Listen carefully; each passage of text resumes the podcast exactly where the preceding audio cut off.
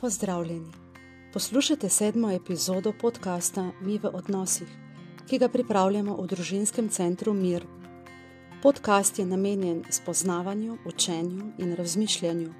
Tudi to je namreč pomembno, če si želimo trajnih sprememb vedenja, navad, osebnih značilnosti, načina pogovora in vsega drugega, kar je pomembno za naše življenje in odnose. Na podcast se lahko naročite na različnih platformah Google, Apple. Poiščite naslov Mi v odnosih in prisluhnili nam boste lahko vsak drugi in četrti petek v mesecu. Prosimo vas tudi, da po svojih zmožnostih donirate za naše sofinancirane programe in tako pomagate osebam, ki so v stiski in ne morejo poravnati stroškov strokovne terapevtske obravnave. Prispevek o odpornosti sem pripravila zakonska in družinska terapeutka, sestra Polonca Majcinovič. Kaj boste lahko izvedeli v tem podkastu? Izvedeli bomo, kako je odpornost povezana s sočutjem do sebe. Dotaknili se bomo čuječnosti in poskušali odgovoriti na vprašanje, kako naj negujemo sočutje do sebe. V šesti epizodi smo lahko dobili nekaj namigov, kako lahko okrepimo svoje telo za soočanje s stresom. Najprej smo pojasnili, zakaj gre pri pojmu odpornost. Tokrat bo naša tema odpornost in sočutje do sebe. Na vprašanje je odgovarjala dr. Kristin Neff, ki je prava pionirka na področju sočutja do sebe. Več o njej in njenem delu lahko preberemo na spletni strani self-compassion.org. Zakaj gre pri sočutju? Sočutje je odgovor na trpljenje. Gre za skrben in prijazen odziv. Angliška beseda compassion pomeni trpeti z. Slovenska beseda bolj pove, da čutim, kar čuti drugi. Oseba, ki trpi, se nam ne smili v smislu, da je šipka, z njo se povežemo. Prvi korak v sočutju do drugih in sebe je čuječnost. Najprej se torej moramo zavedati, da trpljenje je in ga ne zanikati. To je res prvi korak. In kaj je dobrega pri tem, da smo sočutni ali da so drugi sočutni do nas? V možganjih tistih, ki so sočutni, se aktivirajo centri za nagrado. Poveča se občutek povezanosti, poveča se občutek varnosti in stabilnosti. Osamljenost nas namreč najbolj ogroža. Kako je s sočutjem do sebe? Veliko ljudi je do drugih bolj sočutnih kot do sebe. Zgodi se celo, da je nekdo, ki je sicer zelo sočuten do drugih, do sebe grob in neizprosen. V krog sočutja je treba vključiti tudi sebe. Elementi pri obeh sočutjih, se pravi pri sočutju do drugih in pri sočutju do sebe, so enaki. Najprej se trpljenja zavedamo, potem se ustavimo, ko ugotovimo, da je res težko, sledi prijazen in razumevajoč odziv. Smiljenje samemu sebi ne pomaga nikomor. Pri sočutju pa vemo, da se vsi borimo in da v trpljenju nismo sami. Včasih svoje trpljenje relativiziramo v smislu, da drugi še bolj trpijo. Pozabimo, da ima vsak pravico do sočutja in ni nam treba primerjati, kdo trpi bolj in kdo manj. V trenutku, ko se začne trpljenje, je naš prvi odziv, da se to ne bi smelo zgoditi. A to ne drži, trpljenje je del življenja. Na mesto trpljenja lahko uporabljamo tudi izraz nelagodje.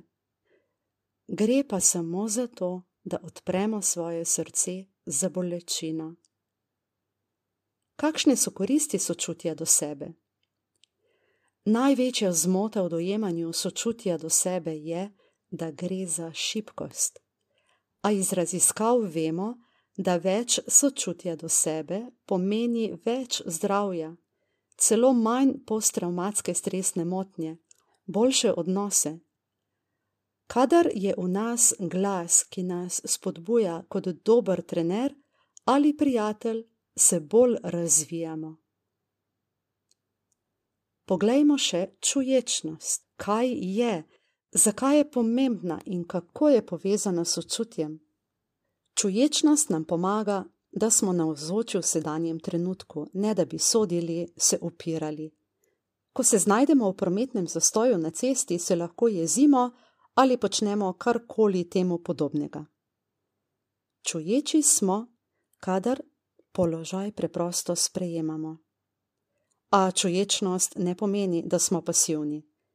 Sprejemanje resničnosti, čeprav je neprijetna, nam pomaga odgovoriti, ne odreagirati. Kadar se namreč odzovemo hitro, nepremišljeno, lahko vse skupaj le poslabša. S čuječnostjo si pridobimo prostor za premislek, kako se bomo odzvali. Kako naj se odzivamo na lakoto in vojne v svetu? Zaradi čuječnosti se naše zavedanje trpljenja poveča. Čuječe srce je odprto srce. Način, kako naj pomagamo in spreminjamo stvari, pride prav iz srca. Nekateri enačijo čuječnost z razločevanjem. Zdi se, da sta čuječnost in sočutje nasprotna, a ni tako, skupaj gresta z roko v roki. Kadar se zavedam bolečine, se lahko odzovem sočutjem. Sočutje in čuječnost sta najboljši orodji, kar jih imamo ljudje. Prefrontalni korteks v naših možganjih lahko izdela atomsko bombo, a lahko ustvari tudi čuječnost. Sočutja do sebe se marsikdo boji, ker si ne želi biti sebičen. Izkušnje s sočutjem do prijateljev imamo, lahko smo z njimi in jih podpiramo, vemo, kaj pomeni biti sočuten. Poznamo ta značilni sočuten ton glasu, način dotikanja, torej bi lahko ta način uporabili tudi v odnosu do sebe. So ljudje, ki mislijo, da je neprimerno biti sočuten do sebe. Vsak bi se rad izognil sebičnosti. Kadar, na primer, negovalno osebje v bolnišnici ravna prijazno z bolniki, se bolniki odzivajo vsaj običajno prijazno.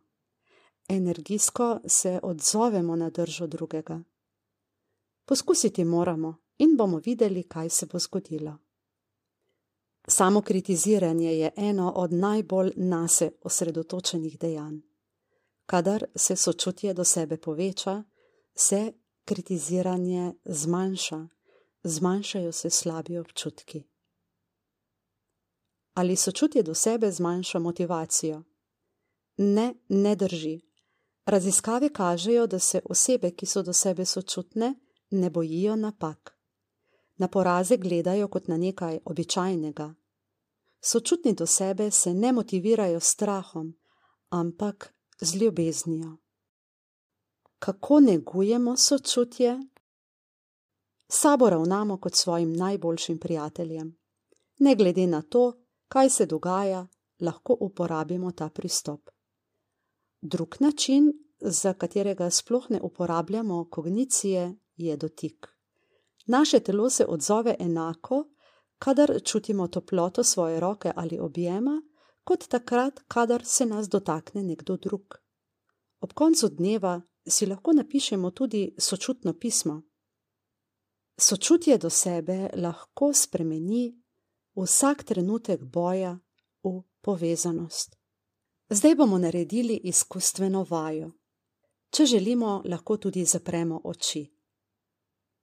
V spomin si prikličemo dogodke ali dogajanje, ki ni za nas preveč stresno. To je lahko stres v službi, stiska v odnosu, konflikt s otrokom.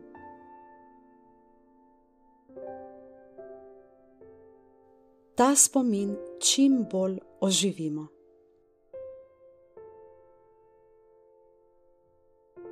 Predstavljamo si podrobnosti tega dogajanja. Začutimo kaj se dogaja v našem telesu.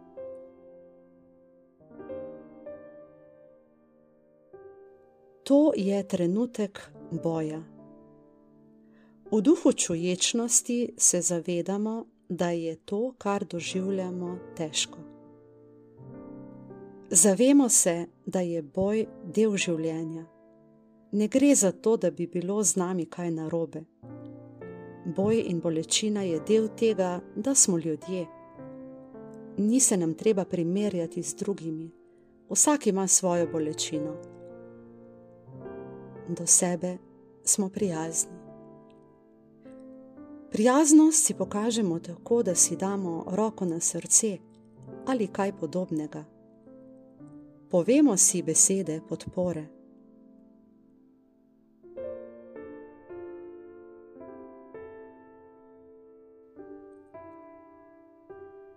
Povemo si, da nam je mar.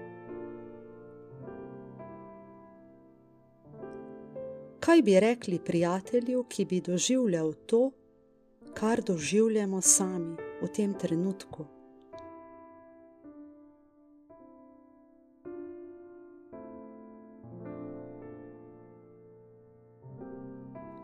Počasi lahko odpremo oči. To, kar smo si povedali, lahko postanejo naše vsakodnevne spodbude. V vsakdanu si vzamemo odmore, v katerih se zavedamo trenutka, zavedamo se dogajanja. Dovolimo, da v nas dozori modrost, na podlagi katere se potem odločamo. Kaj zdaj po tem podkastu o odpornosti mislimo in čutimo?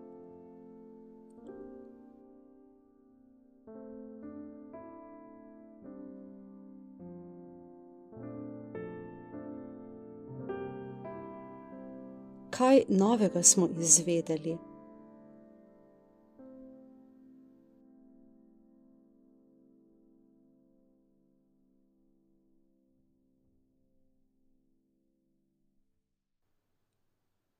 Kaj se nas je dotaknilo?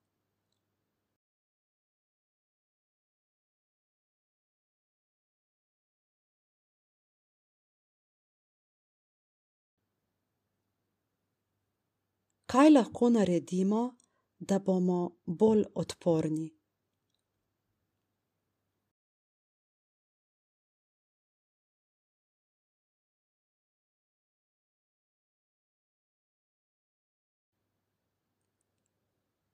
Vsebino podcasta najdete na spletni strani Družinskega centra Mir. S temo o odpornosti bomo nadaljevali v petek, 24. junija. Posvetili se bomo odpornosti in stiskam, ki jih doživljajo otroci in ki smo jih sami doživljali kot otroci. Srečno, vse dobro!